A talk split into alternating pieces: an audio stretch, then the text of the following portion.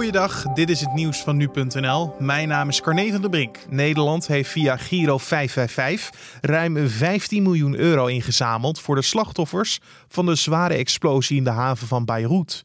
De inzamelingsactie is enkele weken geleden beëindigd, maar het totaalbedrag is pas vandaag bekendgemaakt. Bij de explosie van 4 augustus vielen zeker 180 doden en 6500 gewonden.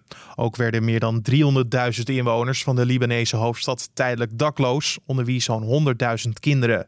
Dankzij de donaties kunnen huizen worden hersteld en ook komt er steeds meer ruimte vrij voor het bieden van psychologische en economische hulp.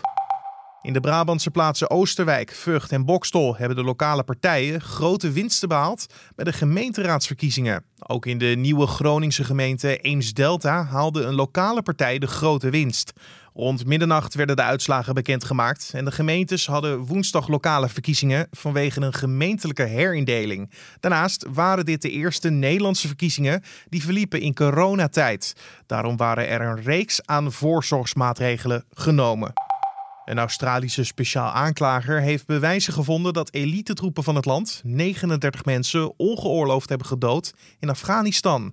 Dit blijkt uit een eigen onderzoek van de krijgsmacht naar vermeende oorlogsmisdaden die Australische militairen in het land zouden hebben gepleegd. To the people of Afghanistan, on behalf of the Australian Defence Force, I sincerely and unreservedly apologize for any wrongdoing by Australian soldiers. Je hoorde hier de Australische generaal John Angus Campbell zijn excuses maken.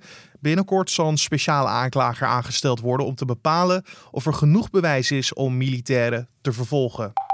Het Nederlandse elftal is er woensdagavond niet in geslaagd de finale ronde van de Nations League te bereiken. Oranje was in het laatste groepsduel met 1-2 te sterk voor Polen, maar concurrent Italië won ook. De zege had Nederland alleen een plek opgeleverd in de finale ronde volgend jaar, als de Italianen puntenverlies hadden geleden tegen Bosnië-Herzegovina. Het duel met Polen was de laatste interland van Oranje dit jaar.